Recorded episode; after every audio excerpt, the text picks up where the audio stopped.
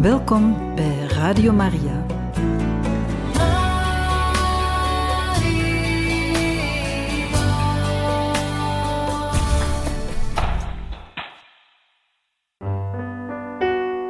U luistert naar Hagiografische Lectuur, een programma van Radio Maria, u gebracht door Martien Dollander.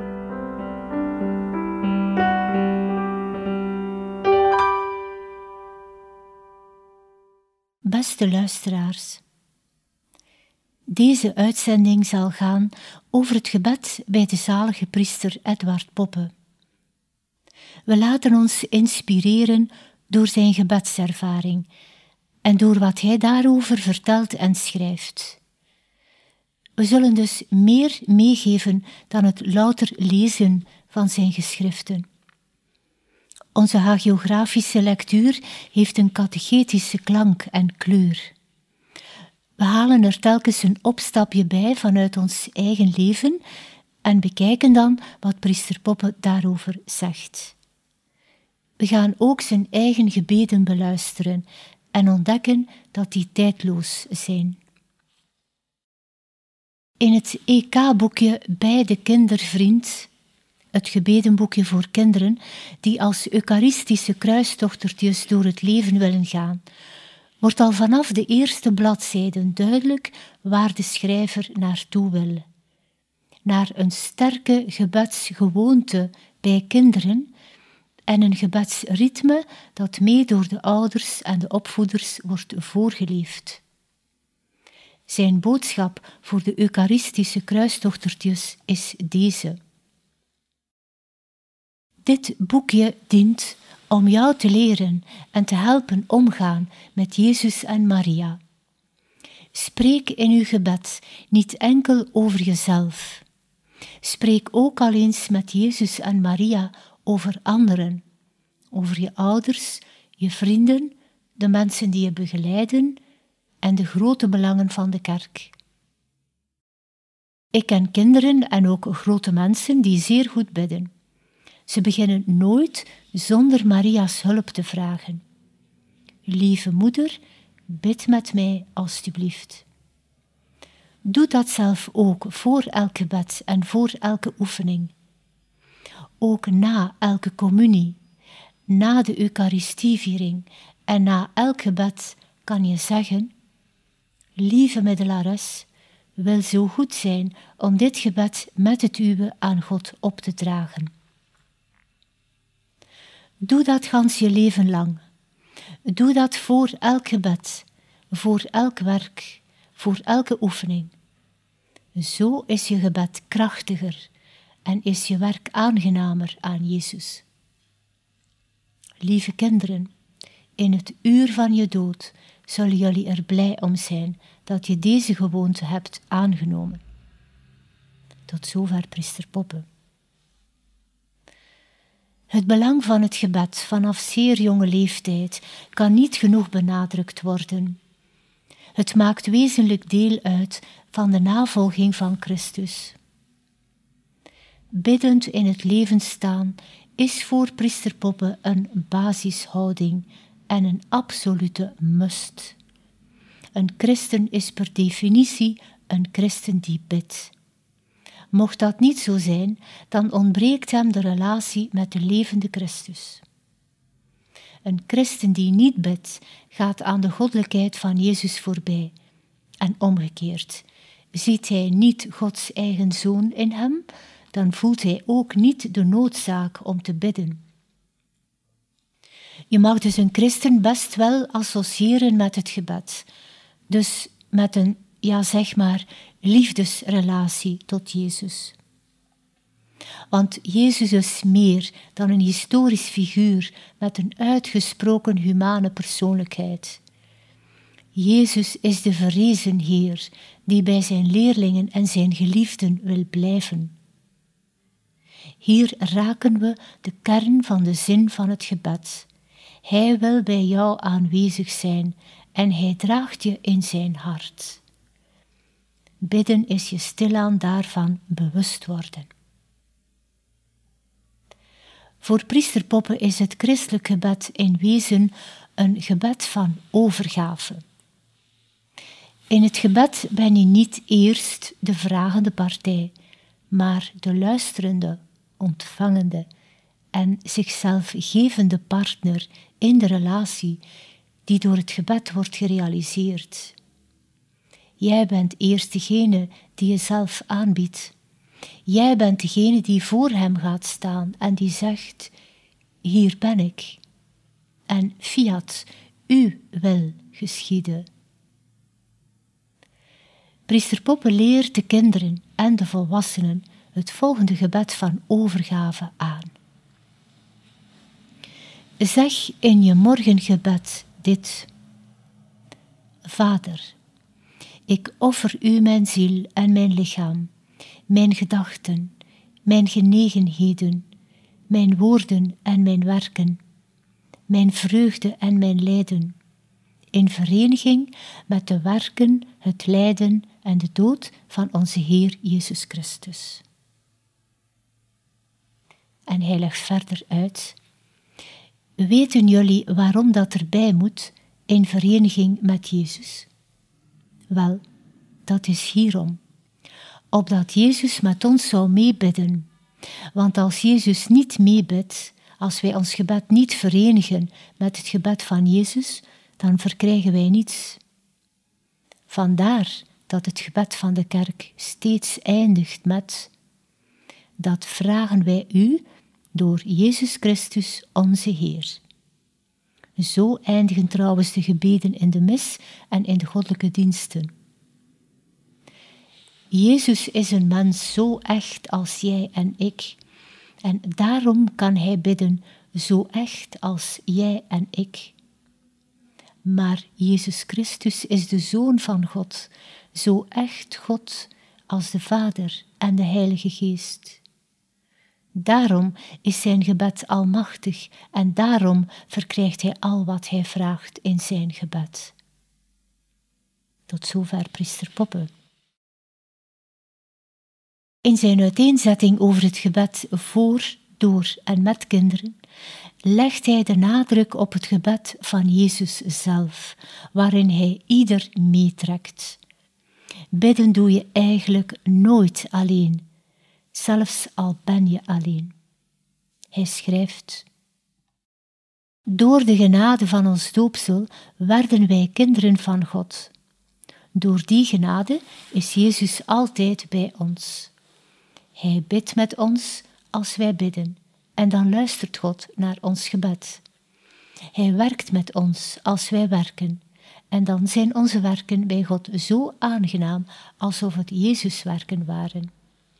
Door die genade is Jezus ook met ons om ons lijden te heiligen. Nooit niet één gebed gaat daarom verloren, hoe klein, hoe stuntelig, hoe onbeholpen het ook mogen klinken. Geen enkel gebed ontsnapt aan het alles horende oor en het alles en iedereen beminnend hart van God. Elk gebed gaat door het hart van Maria naar het hart van Jezus en komt bij zijn doel terecht.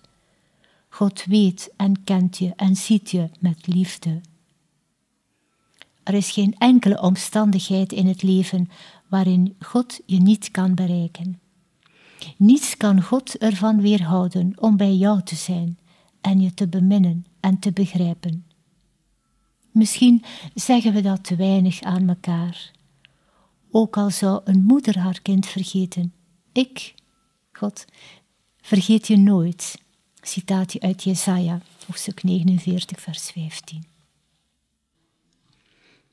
We kunnen nooit buiten zijn gezichtsveld vallen en nooit buiten zijn zorg.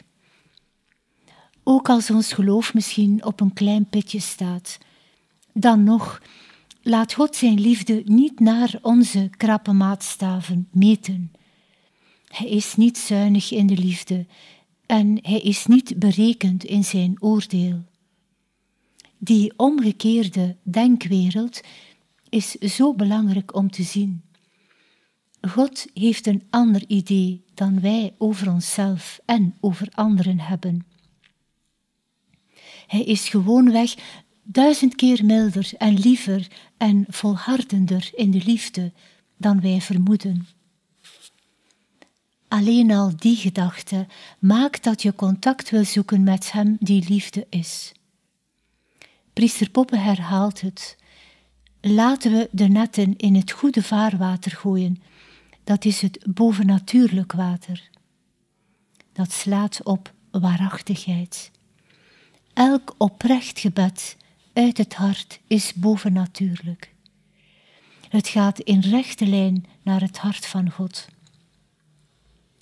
De woorden van de arme die roept om God breken door de wolken heen, schrijft Jezus Sirach in het Oude Testament. Het tegenovergestelde gebeurt ook. De wolken van de baatzucht en de zelfingenomenheid hangen als een ondoorzichtige mistlaag boven wie alleen met de lippen bidt. Die woorden geraken niet tot bij God. Gods oren blijven gesloten voor wie het beter weet dan Hij. Holklinkende vaten zijn tenslotte lege vaten. Geen krokodillentranen en huilerigheid zullen hem tot medelijden bewegen, maar wel het verinnerlijkte, overwogen, oprechte woord vindt zijn raakplaats in God, omdat hij zelf zo innerlijk, zo overwogen en zo oprecht is.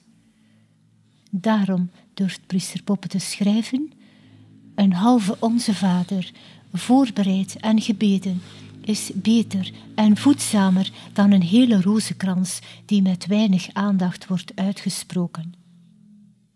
Eén klompje goud is toch veel waardevoller dan een hele beurs koperen muntjes. Dat betekent, laat de waarheid van je woorden in je hart heersen. God ziet toch verder dan wat je hem met een onbedoelde woordenvloed presenteert.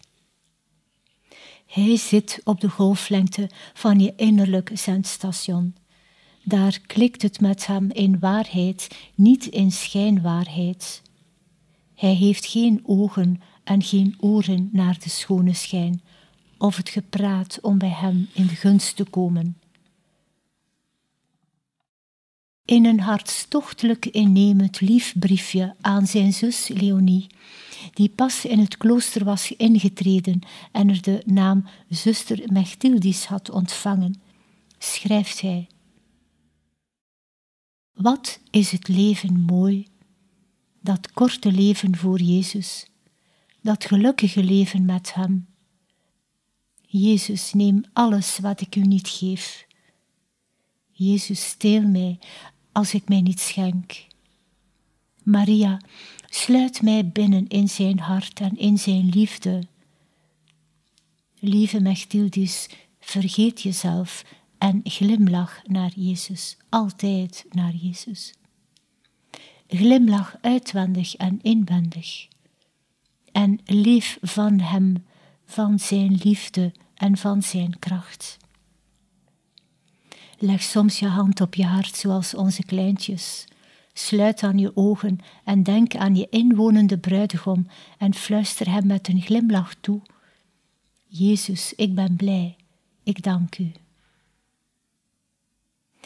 Hierin volgt priester Poppe Jezus na die zegt: Wanneer je bidt, ga dan in je binnenkamer, sluit de deur achter je en bid tot je Vader die in het verborgene is. Een stukje uit de bergrede waarin Jezus de grote lijnen voor zijn volgelingen uitzet. Die gedachte werkt hij verder uit. Om te mediteren moeten we ons terugtrekken in het kleine, stille kamertje van onze ziel. Daar mag Jezus zijn priesterlijke houding uitwerken in de onze. Dat stille kamertje is de ontmoetingsplaats met Hem. Het is interessant om te zien hoe Hij het innerlijk gebed direct verbindt aan de levende aanwezigheid van Jezus die in en door zijn leerlingen zijn werk wil verder zetten. Daar wordt de levensader van Jezus naar de mens die bidt doorgetrokken. als een onzichtbaar kabelnetwerk met toevoer van voeding. Daar gebeurt een overdracht van energie die zonder meer goddelijk is. En priester Poppen wordt nog concreter. Daar kiemen en ontspruiten in ons de gesteltenissen van Jezus voor een hele categorie mensen waar we misschien van nature weinig respect voor zouden hebben, of waarvan we soms halfbewust denken schuim of ruig goed of rode boel. Maar in dit kamertje krijgen we andere inzichten. Daar wordt dat schuim en dat ruig goed ons weldra dierbaar. Daar leren we het eerbiedigen en beminnen, omdat Jezus er naar op zoek is. En hij voegt daaraan toe: Zonder meditatie is het niet mogelijk om Jezus gesteltenissen in ons over te nemen. Gebed verandert je van binnen. Door het gebed ga je meer op Jezus gelijken. Gebed werkt en wijzigt je binnenkant. Het polijst je scherpe kantjes weg en het verzacht je. Het gebed is een scheppende daad. Elk oprecht gebed creëert iets nieuws. Het trekt je innerlijk kamertje telkens weer in, met meer liefde, meer vrede, meer goedheid, meer tederheid, meer vergeving. Ja, het gebed wijzigt wel degelijk je innerlijke programmering en stemt je af op de geest van Jezus. Daarover zegt priester Poppe: Het gebedsleven maakt ons aan Jezus gelijkvormig, niet alleen inwendig, maar ook uitwendig. Hij schrijft een meditatief gebed dat in Zonneland verscheen in augustus 1920 met als titel In vereniging met Jezus. Ik lees het even voor. Door uw gratie is mijn leven met het uwe gans ineengeweven. Ik leef nog ja, maar ik niet meer, want gij zijt nu mijn leven Heer. Gij werkt met mij in al mijn werken, uw kracht komt dan al mijn krachten sterken. Uw Vader ziet mijn werken aan als door zijn eigen zoon gedaan.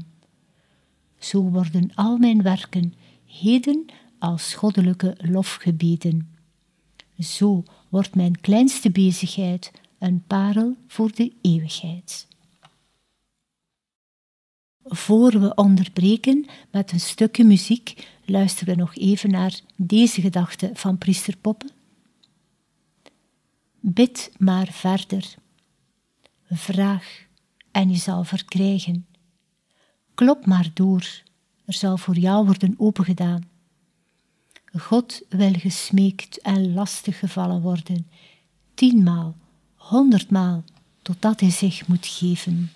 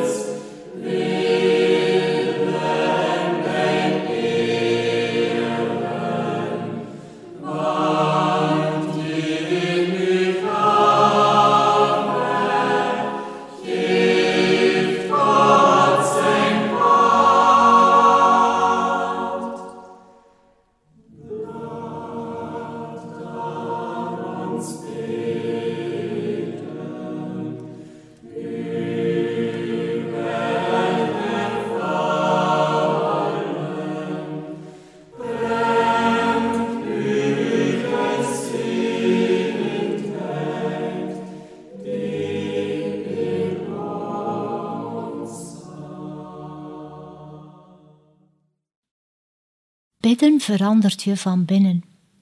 Een beetje wereld, de innerlijke dan, verandert, vernieuwd, wordt mooier. Ja, je geestelijk DNA blijft niet hetzelfde. Het gaat wat meer op dat van Jezus gelijken. Door het gebed ondergaat het wijzigingen. Je innerlijk leven is voortdurend in beweging, het muteert. Door je op Hem te richten, wordt Jezus meer zichtbaar in jou. Daarom doet priester Poppe graag beroep op het gebed van kinderen. Hij vraagt het gebed aan de zieken, aan bejaarde mensen, aan zijn kruistochtertjes. Hij vraagt hen om te bidden voor de Sibisten, voor de priesters en voor hemzelf. En zij doen dat. Zij bidden voor hun priester, graag en veel meer dan hij vraagt. Dat getuigt Bruno van Haveren, een van zijn biografen. Ik citeer: Hij steunde niet op eigen kracht. Vooraleer iets aan te vatten, bad hij ervoor, deed verstervingen en vroeg gebeden. Hij vroeg ze met zijn zachte stem aan zieken. Hij wist wat ze moesten verduren, hoe lastig het was om geduldig het lijden te dragen. Hij vroeg ze aan de bejaarden die dagenlang hun gebeden prevelden. Hij vroeg ze aan de kinderen, omdat zij met een heldere blik naar God opzien en zeker zijn van zijn hulp. Hij wendde zich tot de kruistochters en stelde ze in het gelid, telkens als er iets groots op handen was. Hij kende de kracht van het betrouwend gebed. Hij wist dat men met geloof bergen verzet. In een lange brief aan Theo, een jonge onderpastoor, zet priester Poppe de prioriteiten voor zijn pastorale inzet uiteen. Hij schrijft daarin het volgende. Vul eerst jezelf voor je anderen wil vullen. Zorg eerst voor je eigen geestelijk leven, om des te doeltreffender voor je schaapjes te kunnen zorgen. En verder. Laat de kinderen met u meewerken. Leer de kinderen met u meebidden voor de stervenden. Leer ze hun grilletjes opzij te zetten en om te zetten in versterving. Begin geen enkel werk, beste Theo, zonder het eerst door uw kleine apostelen te laten bewerken met hun gebeden en hun communies. Geloof, Theo, geloof in de kracht van het gebed van kinderen. Nu sluit ik, want het is donderdagavond. Ik zou anders wel het heilig uur als schrijvende laten voorbijgaan. Ik ga nu zelf wat olie op de lamp doen. Hier zien we wat oprecht gebed veroorzaakt: een kettingreactie van genade in het hart van God. Zo bidden werkt als een deeltjesversneller, kleine ontploffingjes van licht en vuur die zijn hart brandend houden. Oprecht gebed boost Gods liefdesenergie. Hij kan er niet naast kijken, hij kan er niet omheen. Oprecht gebed schiet raak. Spreek dus zoals Maria, met de zekerheid om verhoord te worden, zegt hij. De stimuli die de gebeden van kinderen, zieken en bejaarden in Gods hart teweegbrengen, doen de kerk deugd. Ze doen gelovigen sterker getuigen. Ze doen dienstbaren inniger zorg dragen.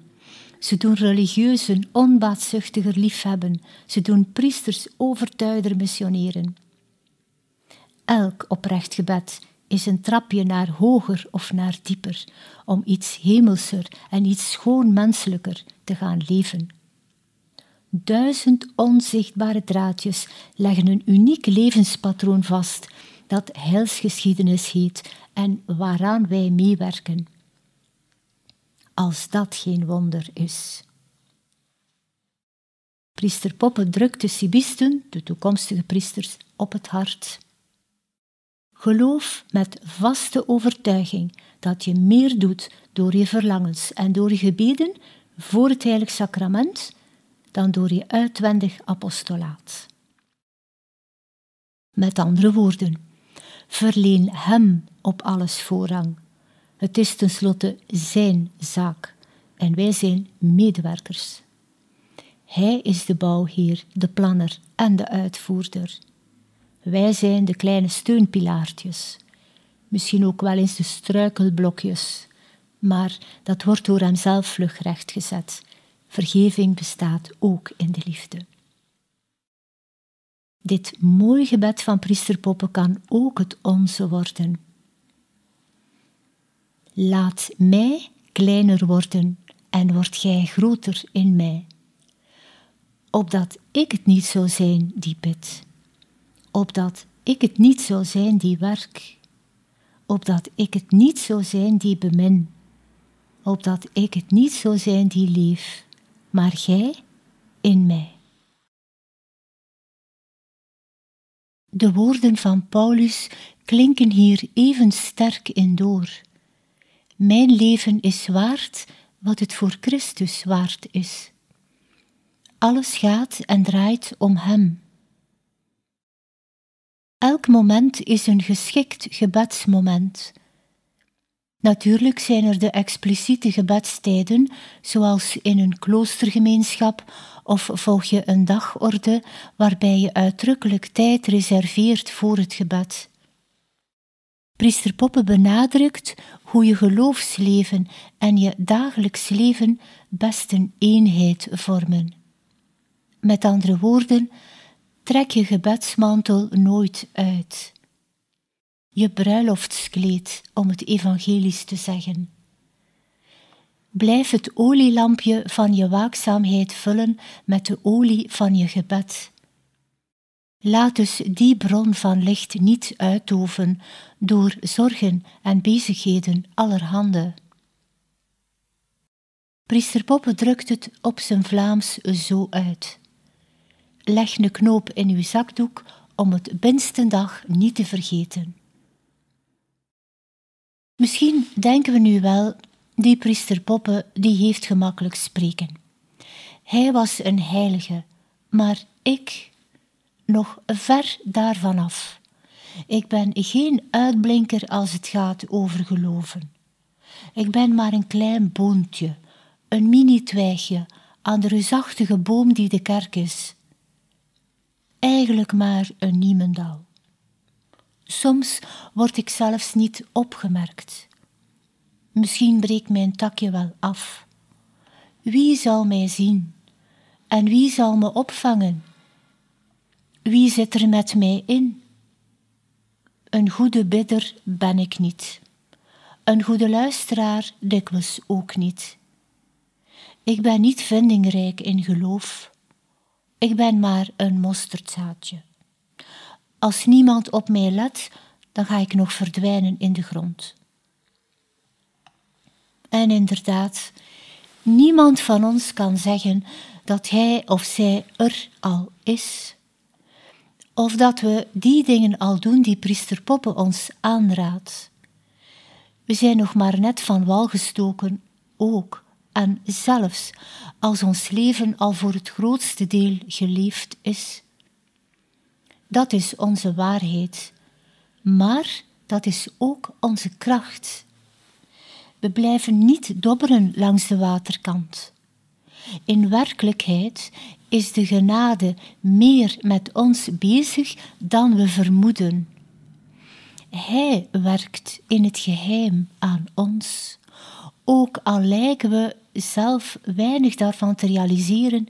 Hij, God, werkt voor ons. Hij boetseert ons. Hij heeft honderd keer liever iemand die zegt: Het lukt me nog niet, maar ik geef het proberen niet op. Dan iemand die zegt: Voilà, hier ben ik en dat heb ik allemaal op mijn actief. Herinner je de parabel van de fariseer en de tollenaar? Gods sympathie gaat uit naar de tollenaar en die ging na zijn berouwvol gesprekje met God gelouterd naar huis. Het kan ook een troostende gedachte zijn te weten dat priester Poppe zichzelf eerder onbelangrijk achtte. Hij had geen hoge dunk van zichzelf, integendeel. Hij vond zichzelf eerder een middelmatig christen, of zelfs nog minder dan dat. Hij kent zijn plaats en dat is achteraan, bij de zwaksten, de mensen met gebreken, degenen die nog heel hard moeten werken aan zichzelf. Edward Poppe is van nature terughoudend, verlegen ook, zeer gevoelig, snel geraakt en hij streeft ernaar om zichzelf voortdurend te verbeteren. Hij is een jonge man vol ambitie en een groot ideaal: meewerken aan Gods rijk. Daardoor wordt hij gestimuleerd om elke tekortkoming te zien als een opstap of een trede om hoger te komen, het negatieve achter zich latend. Wat hij verkondigt, dat beleeft hij zelf. Dat is een van de grote kernideeën van priesterpoppen. Er moet een ononderbroken lijn zichtbaar zijn tussen woord en daad. Die consequente houding moet herkenbaar zijn en zal daardoor geloofwaardigheid opwekken. Priester Poppe werd zo graag gezien, omdat hij eerlijk is in zijn spreken en handelen, met doorzichtige motieven werkt en dus authentiek is. Daarin ligt de kracht van zijn invloed. Mensen hebben echt wel een intuïtief aanvoelen dat hen oriënteert naar het ware, het goede en het schone. Mensen hebben waarheid, goedheid en schoonheid bij priester Poppe opgemerkt. Ja, goddelijke eigenschappen die een mens die God lief heeft gaan kenmerken. Dat is het resultaat van het gebed. Een biddend mens heeft altijd iets weg van hem. Wie regelmatig gaat zonnen, krijgt gegarandeerd de kleur van de zon, de tinten van de warmte en van de rust. Een biddend mens kan je moeiteloos herkennen, of je wil of niet. Je gaat een link leggen tussen de volhoudende, liefdevolle mens en de volgehouden liefde die hij aanspreekt en die hij aanbidt. Priester Poppe was zo iemand. Je hebt niet veel nodig om Jezus in hem te herkennen. Wat is de waarde en welke is de bedoeling van het gebed? Priester Poppe legt het uit met een mooie beeldspraak.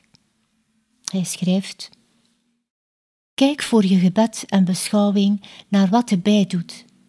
Ze vliegt niet alleen rond de bloem, vlindert er niet omheen, maar zet zich neer op de bloem. De bij steekt haar kop diep en lang in de bloemenkelk verdwijnt er zelfs helemaal in en zuigt dan de nectar op. De bij komt er uitgekropen, heel voorzichtig en rustig, zwaar geladen met de hele vracht. Daarna vliegt ze terug, zorgzaam om de buit naar de werkkorf.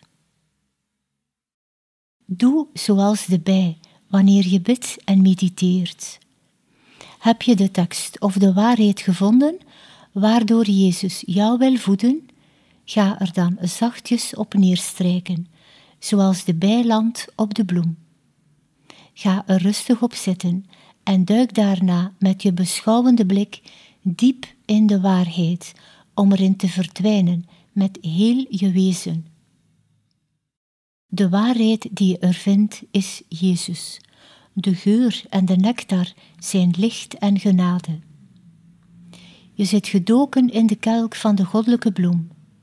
Blijf daar, lang en stil, met heel je wezen in zijn liefde. En als de nectar uitgepuurd is, blijf dan niet langer genieten en rusten. Vlieg blij en dankbaar recht naar de korf en vul je honingraad met Jezus gaven. Zet je voorraad om in vaste was, dat zijn daden van naastenliefde, goede voorbeelden, ziekenbezoek en aalmoezen. Jij bent de bij. De honing is de genade. Jezus is de koning. De rustige, heilige cel waarin je de gaven verzamelt, is de stille maagd Maria. Priesterpoppen is duidelijk. De rust gaat aan de actie vooraf. Binnengaan in Christus is beladen worden met de nectar van zijn geest.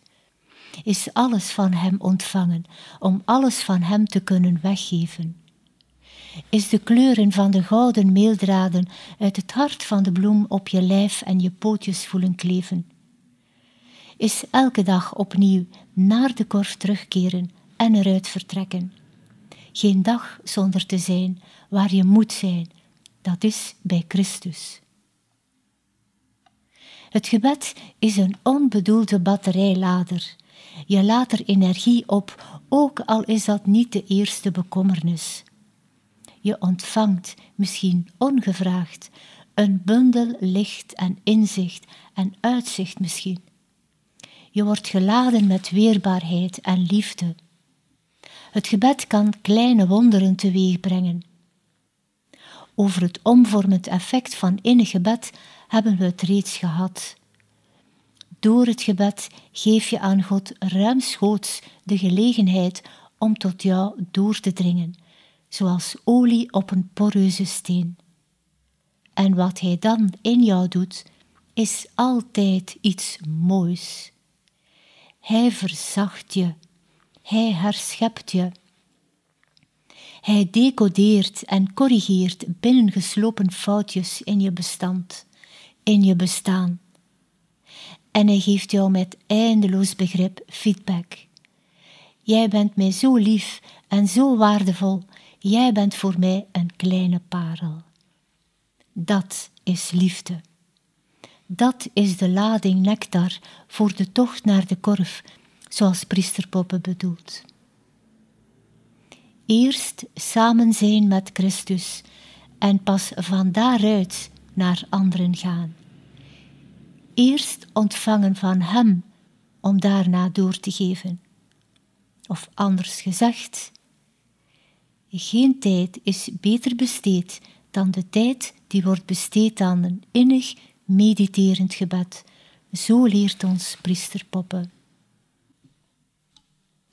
Tijd besteden aan gebed is voor hem essentieel om te groeien in de relatie met Christus.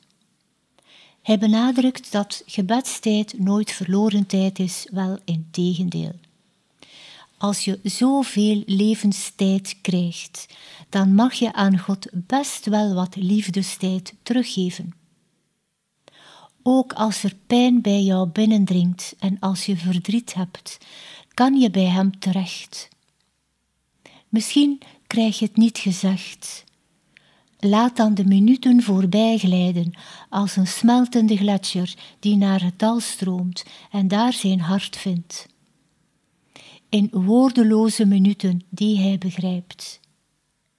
Want elke taal is hem bekend. Elk gevoel is hem bekend.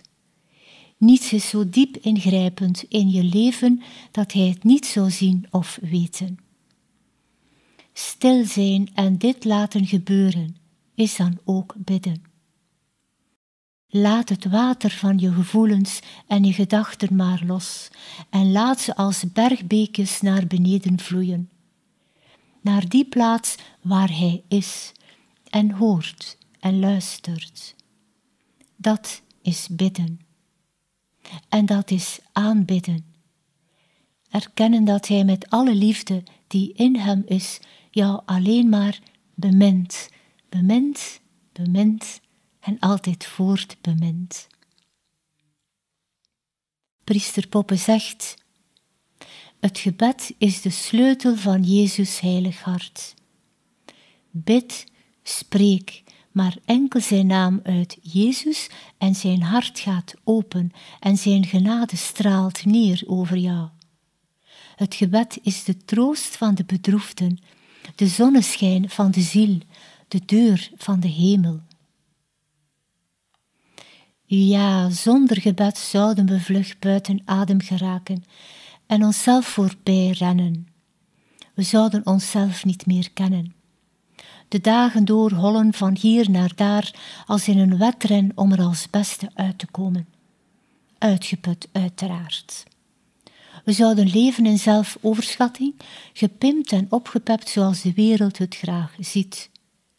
We zouden worden wie we navolgen, mensen in al hun vergankelijke glorie. Wel nu, een christen doet net het tegenovergestelde. Een christen ademt de zuurstof van de tijd en de eeuwigheid. Hij geeft, heeft, leeft de tijd. Hij weet dat de tijd een factor is van de liefde. Als je namelijk iemand doodgraag ziet, wil je heel wat uren, dagen en jaren met hem of haar doorbrengen. Een christen die bidt, laat zich diep doordringen van Gods tegenwoordigheid, zegt priester Poppe. Hij beseft zijn positie en die is niet boven God, maar wel in zijn omgeving. Daar vind je een christen terug, in de omgeving van Christus. En alleen daar bij hem vindt hij vrede. Priester Poppe verwoordt het al dus. Je moet meer afhankelijk worden van de genade. Niet zoveel op jezelf rekenen, maar op de Heer. Je moet bidden om te weten wat je moet doen. Zoek niet, redeneer niet zoveel, wil niet alle vraagstukken oplossen met je verstand. De Heer kan dat veel beter. Vraag Hem naar de oplossing. Ook al zal Hij je geen gesproken of geschreven antwoord geven, toch zal je een bijzonder intuïtie in je geestelijk leven ontvangen, dat jou steeds de waarheid doet vinden. Die intuïtie bespaart je al dat geredeneer. Zij toont je aanstonds wat verkeerd of wat goed is en welke weg je moet volgen. Zij behoort bij de gaven van de Heilige Geest en staat hoger dan de deugden. Die intuïtie krijgt men voor niets als men ze vraagt. Het is een gunst, een gave van Jezus. Het gebed kan veel ophelderen. Het gebed doet je afstand nemen, zodat je zelf en je zorgen en vreugden tegen een nieuwe achtergrond komt te staan. Je houdt jezelf en je belangrijkheden tegen het licht, tegen Gods licht. Hij schijnt er doorheen. Het gebed laat je intuïtie zien, zoals priester Poppe het noemt, het fijne aanvoelen van wat jou te doen staat. Dat woordgebruik toont zijn realisme. De Heilige Geest fluistert je geen oplossingen in het oor, maar vindt de intuïtie uit. De receptoren worden door het gebed geschaafd en verfijnd. Eén gebedsvorm ligt priesterpoppen ook nauw aan het hart, namelijk de rozenkrans. Hij is ervan overtuigd dat de rozenkrans een doeltreffend instrument is om de mysteries in het leven van Maria en van Jezus te overwegen. Daarbij biddend om Maria's voorspraak. Hij schrijft hierover het volgende. De rozenkrans is een hulde aan de drie eenheid. Eer aan de Vader, de Zoon en de Heilige Geest. Een hulde en een overweging van de bijzonderste mysteries van ons geloof, te beginnen met de menswording in de aankondiging tot de kroning van Maria in de hemel. De rozenkrans is een van de voornaamste liefde en ere blijken tot Maria. De rozenkrans is een van de meest geliefde gebeden van alle heiligen.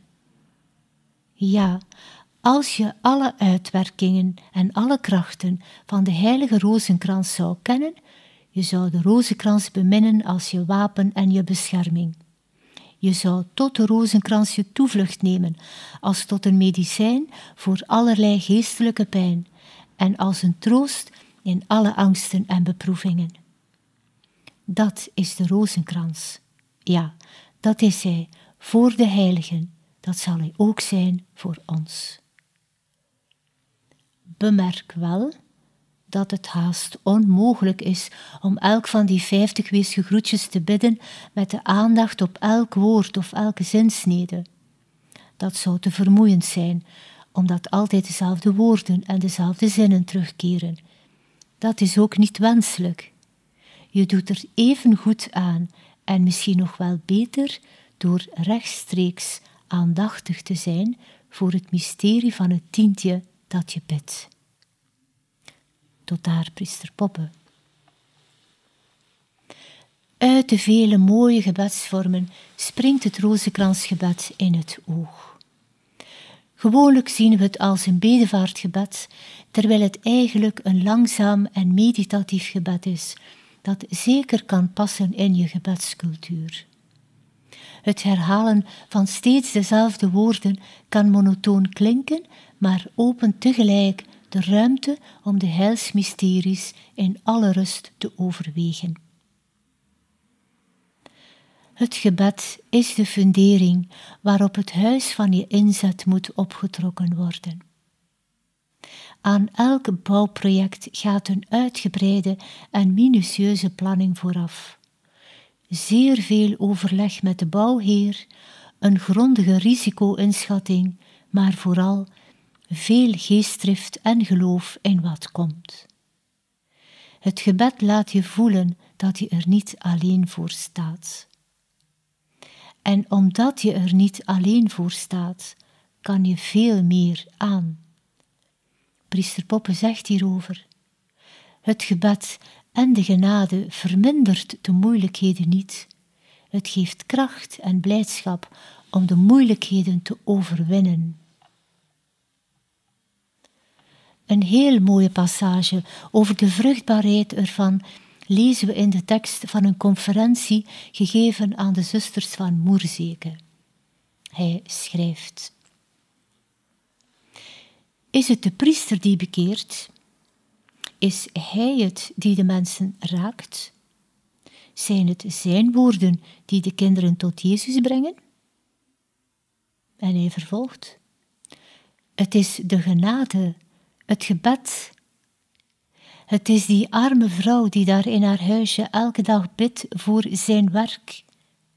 Het is die onbekende religieuze die onopgemerkt haar nederig werk doorzaait met verzuchtingen en schietgebeden. Het is die zieke die van op zijn lijdensbed Jezus hart beweegt en de genade daaruit doet neerkomen op de ziel van een zondaar of in het hart van een wispelturig kind. Welke werken slagen? Deze waar veel en voortdurend voor gebeden en geleden wordt. Ja, nu versta ik uw waarschuwing, Jezus. Men moet altijd bidden en nooit ophouden. O ja, wie is nu nog verbaasd te horen? Waak en bid altijd. Als je iets vraagt aan mijn Vader in mijn naam, zal het jou gegeven worden. Er is een wondere samenhang tussen gebed en genade. God maakt de link. Hij verbindt gebed aan genade. Dat wil zeggen dat het hem raakt en hoe dan ook beïnvloedt. Misschien zal hij zijn plannen herzien. Of komt hij op onverwachte ideeën. Laat hij zijn hart spreken. Word nog warmer van binnen. Want als hij liefde ziet en mildheid, reageert hij onmiddellijk met liefde en mildheid. Er is een verborgen genadestroom aan het werk tussen de harten en de zielen. De vrucht van het gebed is de genade. Daarom raadt priester Poppe op de eerste plaats de priesters, maar ook andere gelovigen, aan om de medewerking te vragen van zieken, kinderen en armen. Hij noemt hun medewerking bovennatuurlijk. Hun gebeden namelijk zijn gezuiverd door de eenvoud, het lijden en het oprecht verlangen.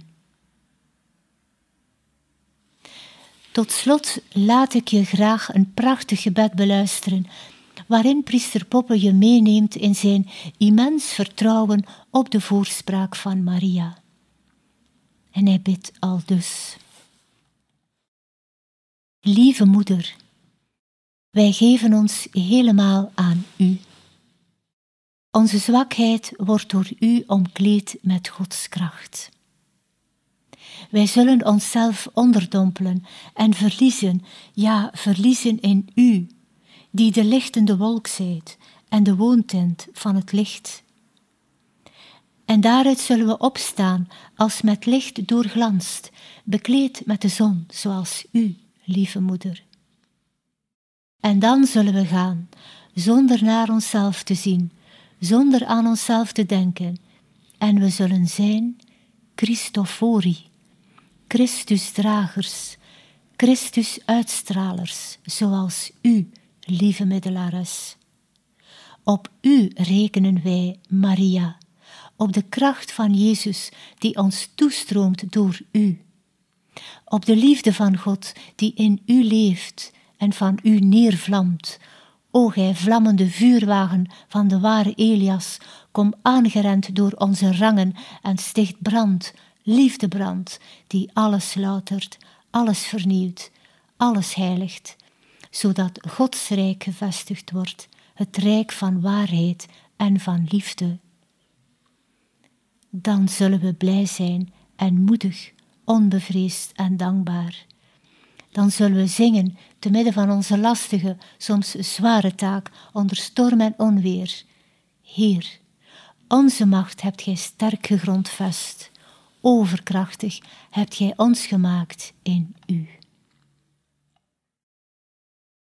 Beste luisteraars, we begonnen deze conferentie met de aanbeveling van priester Poppe om met elk gebed langs Maria te gaan, om het bij Jezus te brengen. We zullen niet aan haar liefdevolle voorspraak voorbij gaan. Maria, Moeder van God, blijf met en voor ons bidden. Amen.